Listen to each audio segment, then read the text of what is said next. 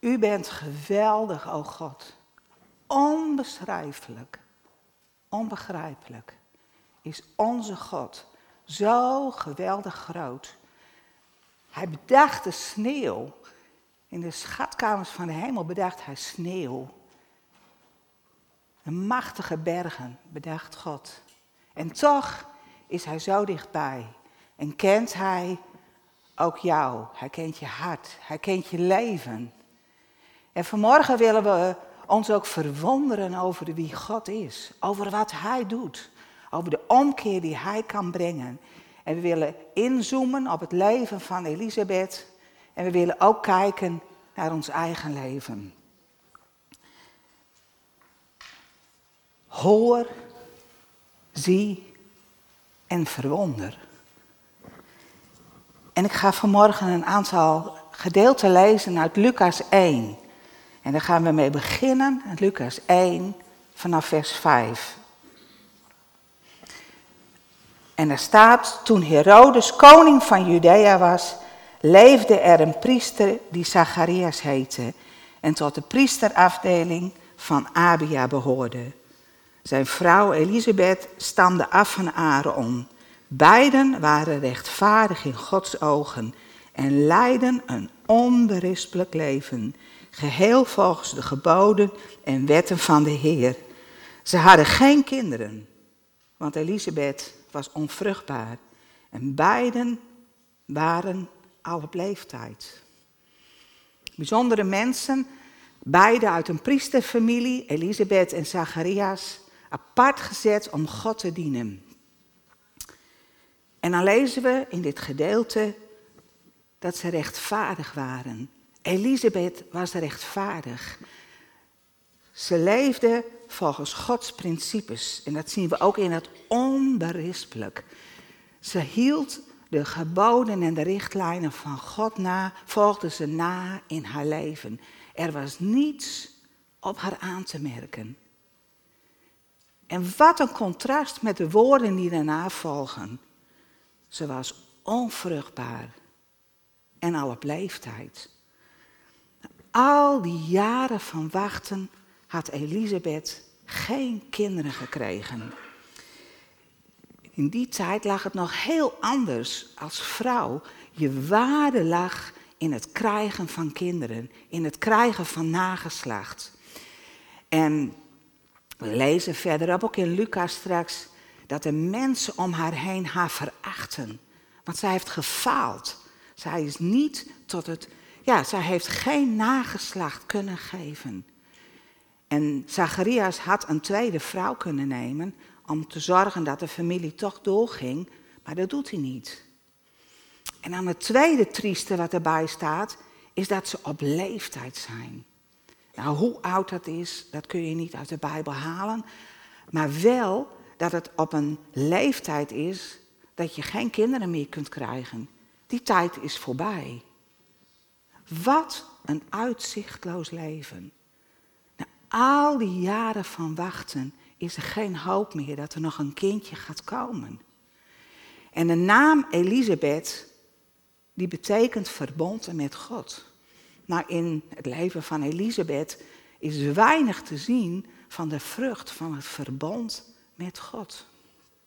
Wat een eenzaamheid moet er in het leven van Elisabeth geweest zijn. En dan gebeurt er een wonder. Een goddelijk ingrijpen. Een keerpunt in de geschiedenis van hun leven. En daar willen we van lezen ook in vers 11.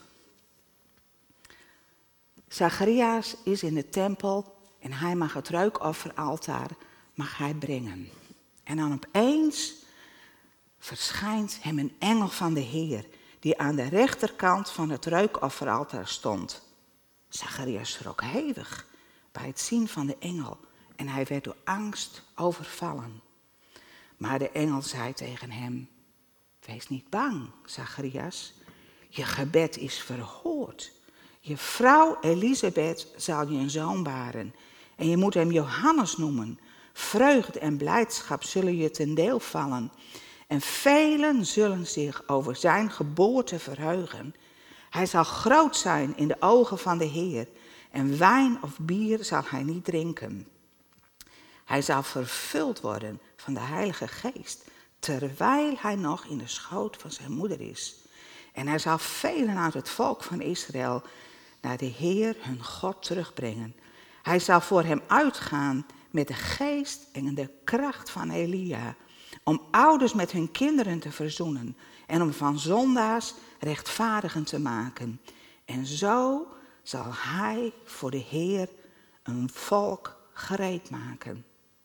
Wat een wonder. Op een moment dat je niet meer verwacht dat er een verandering gaat komen, is er een bovennatuurlijke ingrijpen van God. Hij komt daar ook op een hele speciale manier. Via een engel krijgt Zacharias de boodschap. En het tweede wonder is dat Elisabeth zwanger wordt. En dat ze een bijzonder kind zullen krijgen. Dus niet alleen zwanger, maar ze zullen ook een heel bijzonder kind krijgen. Waar we net over gelezen hebben. Nou, ga verder in vers 24. Eh, en daar staat, korte tijd later werd zijn vrouw Elisabeth zwanger. Ze leefde vijf maanden lang in afzondering en zei bij zichzelf, de Heer heeft zich mijn lot aangetrokken.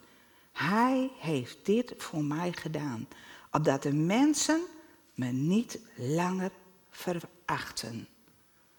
Nou, de woorden van de engel komen uit en warempel. Na enige tijd is Elisabeth zwanger. Wat moet dat een verandering gegeven hebben? Als je het niet meer verwacht dat er een kindje in je leven gaat komen, dat je dan opeens zwanger bent. Je hebt wel negen maanden, maar wat een ommekeer betekent dat in het leven van Elisabeth. Maar wat zo bijzonder is, wat hier staat, als ze zwanger is, dan gaat ze vijf maanden in afzondering. Ze gaat vijf maanden in quarantaine. Nou, wij kennen ook quarantaine en, en lockdown. Eerder nog nooit van gehoord. Ver weg, maar nu heel dichtbij gekomen. Maar wij, als wij uh, in uh, een uh, quarantaine zijn, hebben nog een televisie en we hebben een computer, we hebben een tablet, we hebben een telefoon. Maar Elisabeth heeft helemaal niks van dat. Ze heeft alleen een man. En een man die niet spreken kan. Dus voor haar betekent dat een intense stilte. Een afzondering ja, die heel veel doet in haar leven. En waarom ze hiervoor kiest? In die tijd was het wel gebruikelijk dat een vrouw in afzondering ging als de zwangerschap zichtbaar werd. Maar ja, vanaf het begin is dat nog niet te zien. Dus waarom Elisabeth hiervoor kiest, ja, dat, dat is niet uit de Bijbel te halen. En ook in uitleg uh, wordt daar geen duidelijke reden kunnen uh, de geleerden daaraan geven. Maar het moet wel een, een bijzondere tijd geweest zijn. Een tijd van voorbereiding voor de komst van dit kindje. Een tijd in Gods heerlijkheid. Want deze oudere vrouw, zie je haar voor je? Misschien heeft ze wat rimpels getekend door het leven, door alles wat ze meegemaakt heeft. En in haar in haar groeit een kindje. Nieuwe toekomst. Nieuwe, ja, een nieuwe, als het ware iets nieuws. Of het, zeker, er begint iets nieuws in haar leven. En dan wordt de stilte doorbroken. Een nieuw wonder komt. Want een heel eind van haar vandaan is Maria. Die heeft ook bezoek van een engel gehad. En de engel vertelt haar dat zij ook een kindje zou krijgen. En we gaan even, we, vallen dat gesprek binnen en we gaan naar vers 36 eh, en horen wat Gabriel nog meer tegen Maria zegt. En hij zegt, luister, ook je familielid Elisabeth is zwanger van een zoon, ondanks haar hoge leeftijd. Ze is nu, ook al hield men haar voor onvruchtbaar, in de zesde maand van haar zwangerschap. Want voor God is niets onmogelijk. Voor God is niets onmogelijk. Wat een God hebben, hebben wij. Voor hem is niets te wonderlijk. En in de Bijbel lezen we dit vooral ook uh, voordat een bijzonder kind wordt geboren. Zodat er wel een belofte is aan de ouders gegeven, of het zijn dan nog geen ouders, dat ze uit mogen zien naar een kind en dan gebeurt er niks. En ik wil één tekst daarover lezen uit, uit Genesis, in het leven van Sarah. En dat is in Genesis 18, vers 14. En de Heer is daar bij Abraham op bezoek en ze hebben een, Abraham op bezoek en ze hebben een gesprek. En dan zegt de Heer tegen Abraham, waarom lacht Sarah? Waarom vraagt ze zich af of ze op haar leeftijd nog wel een kind ter wereld kan brengen? Is ook maar iets voor de Heer onmogelijk? Op de vastgestelde tijd, over precies een jaar, kom ik bij je terug. En dan heeft Sarah een zoon. Wonderlijk, hè? En we zien, we lezen nu dat dat gebeurd is. En we zien dat ook in, in, in heel veel andere uh, gezinnen. Denk aan Samuel, Hanna die, die zo bad om, om, een, om een kindje. We zien dat bij Simpson, een bijzonder kind, waar de moeder Manoach ook onvruchtbaar was. Bij Rachel, Jozef, eh, Jacob verlangde er zo naar dat, dat Rachel een kind zou krijgen. En ze was onvruchtbaar. Maar God deed iets bijzonders. En Jozef werd geboren. In Jeremia staat de volgende tekst. Ik ben de Heer, de God van al wat leeft. Is er ook maar iets dat voor mij onmogelijk is? Wat betekent dat in je eigen leven? We hebben net, ik vond een bijzondere krachtige tijd van gebed. Waarin uit werd gesproken een geloof en een, een vertrouwen in God. Zou voor de Heer iets onmogelijk zijn? Verwacht je dat in je eigen leven? Zie je daarnaar uit? Maria, die als jong meisje, terwijl ze nog niet eens een man heeft, of in ieder geval nog niet getrouwd is en gemeenschap heeft, dat zij een kindje krijgt. Wat een wonder. Wat een wonder van God. En nadat Maria zwanger is en weet dat haar tante Elisabeth ook een kindje verwacht, gaat ze op bezoek naar haar tante toe. En we gaan het lezen vanaf vers 39. Kort daarop reisde Maria in grote haast naar het bergland, naar een stad in Juda, waar ze het huis van Zacharias binnenging en Elisabeth begroette. En toen Elisabeth de groet van Maria hoorde, sprong het kind op in haar schoot. Ze werd vervuld van de Heilige Geest en riep luid: De meest gezegende ben je van alle vrouwen, en gezegend is de vrucht van je schoot. Wie ben ik dat de moeder van mijn Heer naar mij toekomt? Toen ik je groet hoorde, sprong het kind van vreugde op in mijn schoot. Gelukkig is zij die geloofd heeft dat de woorden van de Heer in vervulling zullen gaan. En ik vind het zelf heel mooi in de Passion Translation staan. En dat is in het Engels en dat heb ik vertaald naar het Nederlands en dat wil ik ook lezen. Op het moment dat Elisabeth de stem van Maria hoorde, sprong en schopte de baby in haar baarmoeder. En plotseling was Elisabeth tot overvloeiend gevuld met de Heilige Geest. Met luide stem profeteerde zij krachtig. Maria, je bent een vrouw die de hoogste gunst geniet en het voorrecht boven alle anderen, want je kind is voorbestemd om God grote vreugde te brengen. Hoe heb ik zo'n opmerkelijke eer verdiend dat een moeder van mijn Heer zomaar op bezoek komt? Op het moment dat je de deur binnenkwam en me begroette, danste mijn baby in mij van vreugde. De geweldige gunst rust op jou, want je hebt elk woord wat de Heer tot je gesproken heeft geloofd. Hier gebeurt iets heel bijzonders.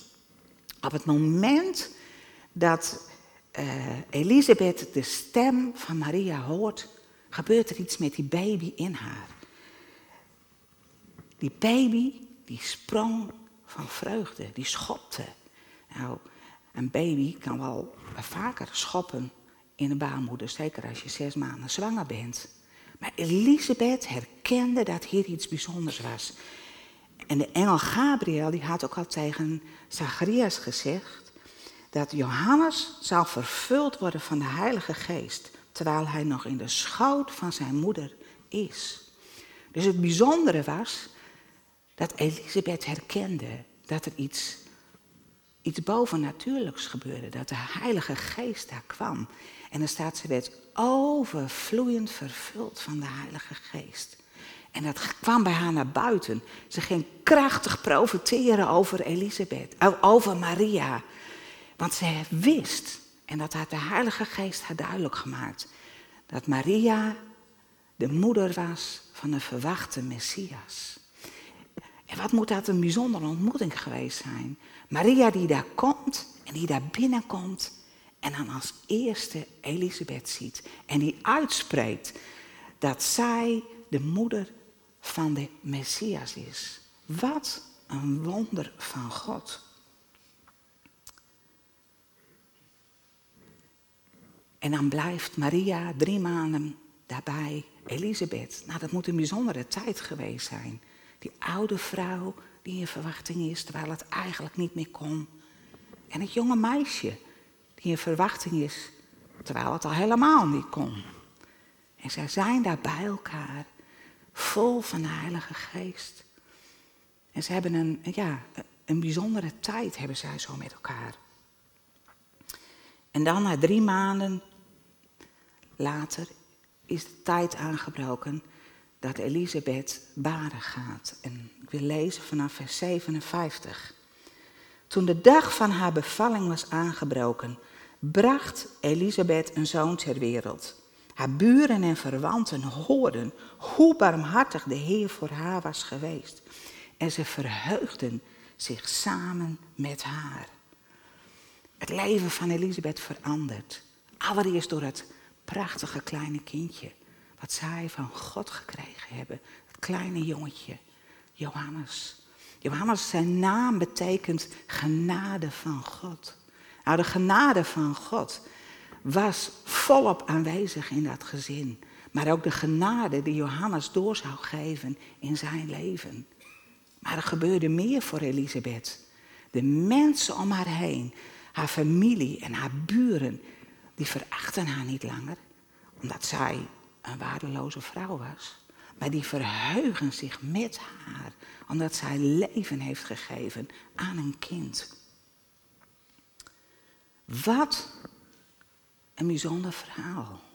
Wat een, wat een wonder van God lees je hier op verschillende momenten. Wat een ommekeer kwam er in het leven van Elisabeth. Dat mag ons hart raken, die verwondering over wat daar gebeurd is. Als ze zegt, God heeft zich mijn lot aangetrokken. Als ze zo laat delen dat God haar kent en dat God begaan is met haar en dat Hij haar leven wil veranderen. God kan alles omkeren en God laat niet varen het werk waar Hij mee begonnen is. En nu wij, wat betekent dat voor ons? Nou, God is niet veranderd. Voor God is nog steeds niets onmogelijk. En God is nog steeds een God van wonderen. Het begint al met het oog van God, met het uh, zijn van Gods aanwezigheid. Dat we daarin mogen verblijven, dat we dichtbij hem mogen zijn. Zoals we gezongen hebben. We hebben in de opening dat ook gehoord. Aan de hemel is te zien hoe machtig God is. Het hele heelal vertelt van God die alles gemaakt heeft. Elke volgende dag spreekt hij erover en elke volgende nacht laat dat weer zien. Het is een taal zonder woorden en geen stem is er te horen. Toch klinkt de boodschap over heel de aarde. De hele wereld hoort ervan. De schepping spreekt een stille taal van verwondering over de almachtige God, over zijn grootheid. En we mogen Hem aanbidden, we mogen Hem eren. Elke dag geeft Hij iets nieuws aan je. Elke, elke nacht, na elke nacht komt er een nieuwe dag. En je mag weten dat Gods goedheid op je is. God die hoop geeft in hopeloosheid. Die licht geeft in het duister. Je mag ontdekken dat God jou kent en heel dicht bij je is. En van hart tot hart met jou wil spreken. Hoor, zie en verwonder. En ik wil zelf zo twee voorbeelden geven uit mijn eigen leven van de afgelopen tijd, waarin God voor mij een wonder deed. Maar ik wil zo ook iemand uit uh, ons midden de ruimte geven om iets te delen van een wonder wat God dit jaar in jouw leven gedaan heeft. Dus je kunt er vast even over nadenken, want ik doe straks daarvoor een uh, uitnodiging. Nou, zoals jullie uh, waarschijnlijk wel weten, ben ik bezig met het uh, schrijven van boeken. Mijn laatste boek is in september uitgekomen. En eigenlijk was het wat een zoektocht, hoe ik verder moest gaan met schrijven. Ik had een opzet voor een nieuw boek naar de uitgever gestuurd, maar ik hoorde helemaal maar niks. En eigenlijk, ja, eigenlijk zat ik gewoon even, even stil, zo, zo, hè, dat je niet weet hoe je verder moet gaan. En toen sprak de Heer tegen mij en hij zei, wie heeft jou geroepen om te gaan schrijven? Nou, dat wist ik wel, want dat was de Heer. En hij zei, jij bent niet afhankelijk van een uitgever. Je moet gaan aan de gang gaan met wat ik je geef en dan moet je gaan opschrijven. En wat er daarna mee gebeurt, hoe het vervolg is, dat, dat gaan we daarna wel zien. Dat is nu niet aan jou. En het raakte me en ik ben, weer aan, en ik ben een paar weken geleden weer aan het schrijven gegaan. En het was zo bijzonder. God gaf me zo'n mooi idee. En nou, ik ben echt reuze enthousiast over waar ik uh, nu mee uh, bezig ben. Maar het bijzondere was, in diezelfde week werd ik gebeld door de uitgever. En die uitgever heeft me nog nooit eerder gebeld. En hij zei tegen mij, ja, ik denk ik moet eens even horen of ik ook iets voor Wilma kan betekenen. Nou, ik, was, ik stond helemaal versteld. Ik zei, vertelde, ik vertelde de, waar ik die week doorheen gegaan was. En van, van de, ja, wat God in mijn hart gelegd had. En het was voor mij zo bijzonder, want God liet mij zien. Als ik eerst gehoorzaam en op weg ga, gaat God het wel bevestigen. En voor mij was het zo'n wonder dat de uitgever belde. En ik, oh, met dit boek, het is gewoon zo leuk om ermee bezig te zijn. Want ik heb gewoon de aanmoediging van God gekregen om verder te gaan en daarmee uh, te gaan schrijven. En ik kan jullie wel verklappen voor degenen die meegeweest, zijn naar Ghana. Ik ga ook schrijven over de tijd die wij in uh, Ghana met elkaar gehad hebben. Heel bijzonder, met samenwerkvakanties. Dus dat is een van de dingen waar ik over ga schrijven. Nou, dat is één voorbeeld, maar een ander voorbeeld is iets heel anders. Een tijdje geleden was ik, op de, was ik in het centrum van uh, Drachten en ik was daar uh, op de fiets en het regende nogal. En ik woon in de Trisken, dus ik moest uh, op de fiets door de stromende regen terug naar huis. Dus toen ik thuis kwam was ik gewoon blij. Hè? Lekker in huis, alle natte spullen wat uit. De dingen wat uitpakken. En toen zou ik mijn telefoon pakken. Telefoon? Wegtelefoon. Nee, dat kan toch niet? Nee, nergens was mijn telefoon. Ik had geen idee waar ik hem kwijtgeraakt was, maar ik had hem in ieder geval niet meer. Verdraaid. Telefoon is voor mij echt heel belangrijk. Staat van alles op en doe ik van alles mee. Maar gelukkig, ik kan op mijn computer kan ik kijken waar mijn telefoon is. Dus ik naar boven gauw computer aan, kijken, zoek telefoon. Ja hoor, kreeg een adres door. Een paar kilometer van mij vandaan. Nou, ik mag gauw weer een jas aan op de fiets in de regen daarheen. Fiets daarheen, nou dat is een huis. Nou, ik denk, er was ook niks. Het leek of niemand thuis was, een groot huis. Ik denk, ik rijd even verder het hoekje om en dan kwam ik op een brede weg de Lauwers, een weg met een fietspad ernaast. En dan was ik net daarvoor, was ik daar langs gefietst. En terwijl ik zo om het hoekje kom, fietst er een meisje voor mij. En die stopt. En die pakt iets op van het fietspad. Nou, ik er de kippen bij. Ik zei, dat is mijn telefoon. Nou, ze geloofde het ook. Het was ook waar hoor. Maar die telefoon, hè, die had daar best wel een tijdje gelegen. Hij was niet kapot. Er was niemand overheen gereden. Hij was alleen maar nat en vies. Oh, maar wat was ik blij. Maar voor mij, wat was, het was voor mij zo'n wonder dat ik daar precies op het juiste moment was. Ik had er niet een paar minuten later moeten zijn, want dan was dat meisje weg geweest. En nu, ik kreeg mijn telefoon terug. En daar was ik echt heel blij mee. Maar ik was zo dankbaar God voor, de, voor de precies de juiste timing. En het liet me zo zien dat, ja, dat God bij me is en dat God me leidt. Dat God voor me uitgaat. En dat wil niet zeggen dat alles altijd op rolletjes loopt. Maar het is wel uh, uh, een gaan met Hem. En leven in verbondenheid met Hem. En als je, als je daar zo leeft, dan, ben je ook, ja, dan mag je dat wonder herkennen van wat God in je leven doet. Nou, nu geef ik iemand van jullie de ruimte om over een wonder in je leven te vertellen. Wie wil iets vertellen? Het is een beetje spannend natuurlijk. Maakt niet uit of het klein of groot is. Elk wonder is bijzonder. Wie wil iets delen? Nou, kom maar. Je mag bij Bouke even een uh, microfoon halen. kom hier even naar voren en dan mag je wel even iets delen.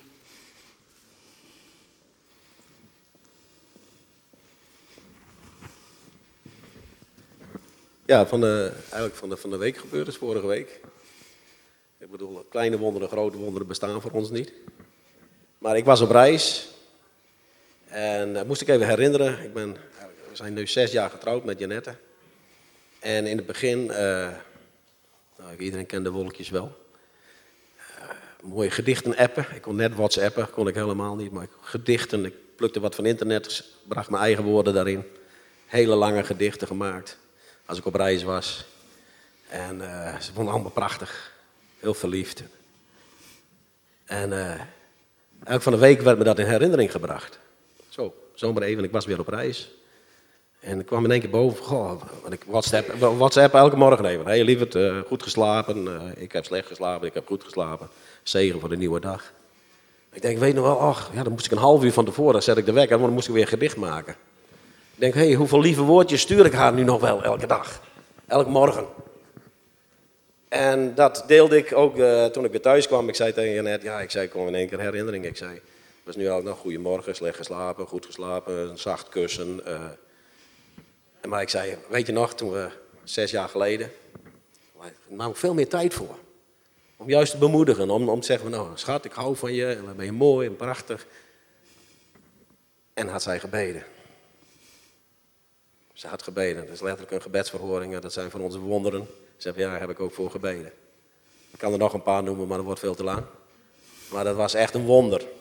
Van dat dat echt letterlijk de stem van God hoort. Dat, dat je door gebed van Janette de stem komt van... Hé, hey, Vonger, werk aan de winkel. Ja? Mooi. Je mag wel een bouw geven.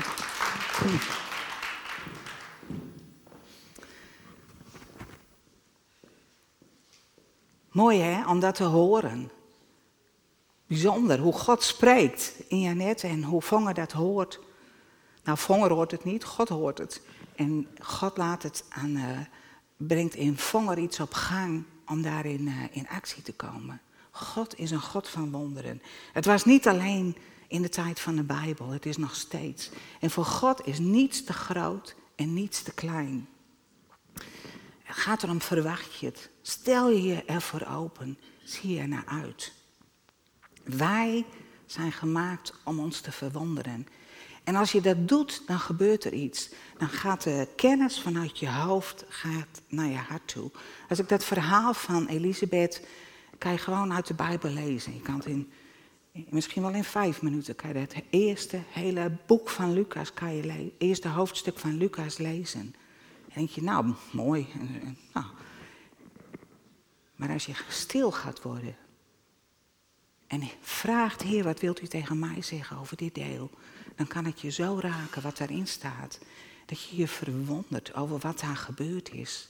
Dan ga je je verwonderen als God tegen jou spreekt. Zoals Vongen net vertelde. Dat, dat, dat je gaat luisteren naar God en dat Hij dingen in beweging zet.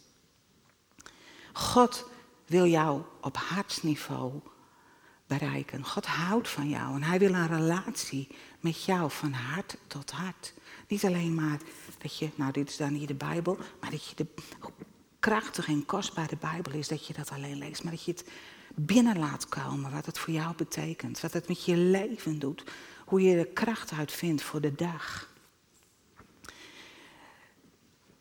Teleurstellingen kunnen een barrière zijn om van God te verwachten. Je kunt hard en je kunt bitter worden. En de Heer Jezus leert ons dat we mogen worden als een kind.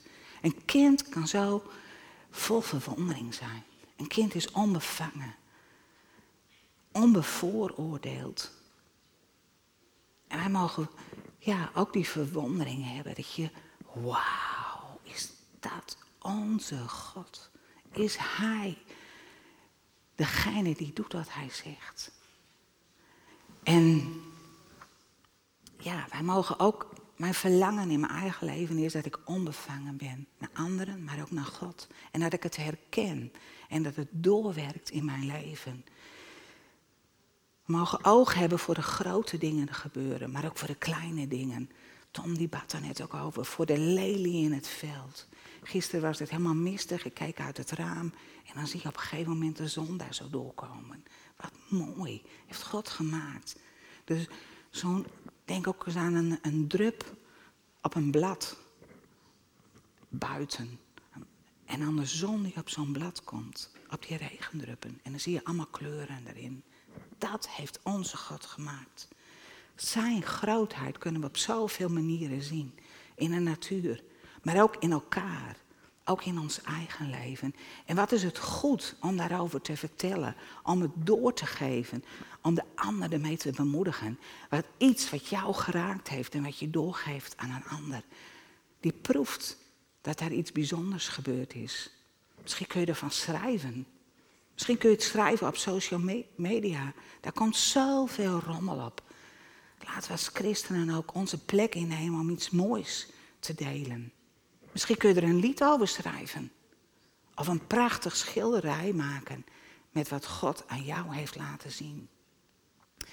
En wat een wonder in jouw leven gebeurd is. Het muziekteam mag wel naar voren komen.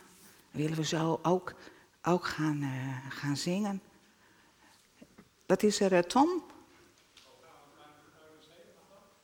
Wat zei Dat mag. Kom maar naar voren dan. En dan moet je ook even de microfoon pakken.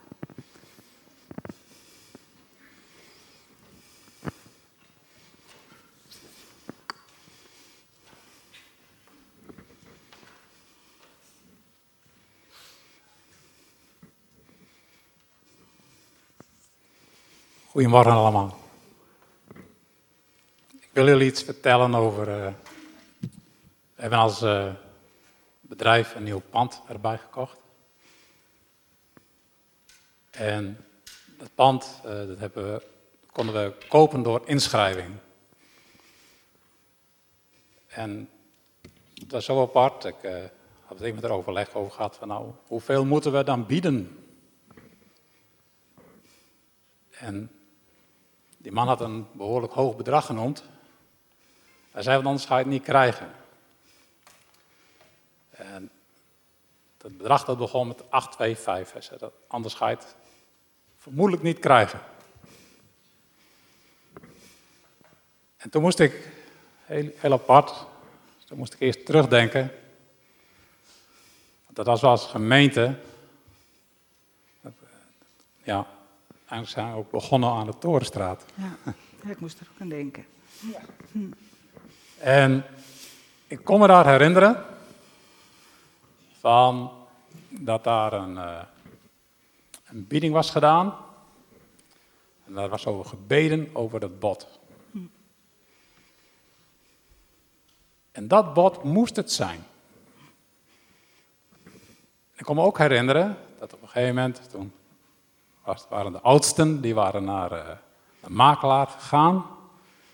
Toen had de makelaar gezegd, nou, weet je wat, jullie mogen het voor die prijs hebben en dan moeten jullie later nog een klein beetje erbij doen, dan uh, regelen wij dat wel. Maar oudsten, uitgesproken, als we dit bieden en we krijgen het voor deze prijs, dan komt het heel belangrijk, dan is het van de Heer. Dit is zo'n belangrijk principe voor ons allemaal. Als God iets tegen je zegt, iets in je hart legt, vertrouw erop. En dat was hier ook zo. Ik kreeg van God 7, 7, 7. Dat lag God mee in mijn hart. En dat zei ik tegen die jongen. Ik zei, dat ga ik bieden. Maar hij zei, dan ga ik je nu al zeggen, dat ga je niet krijgen.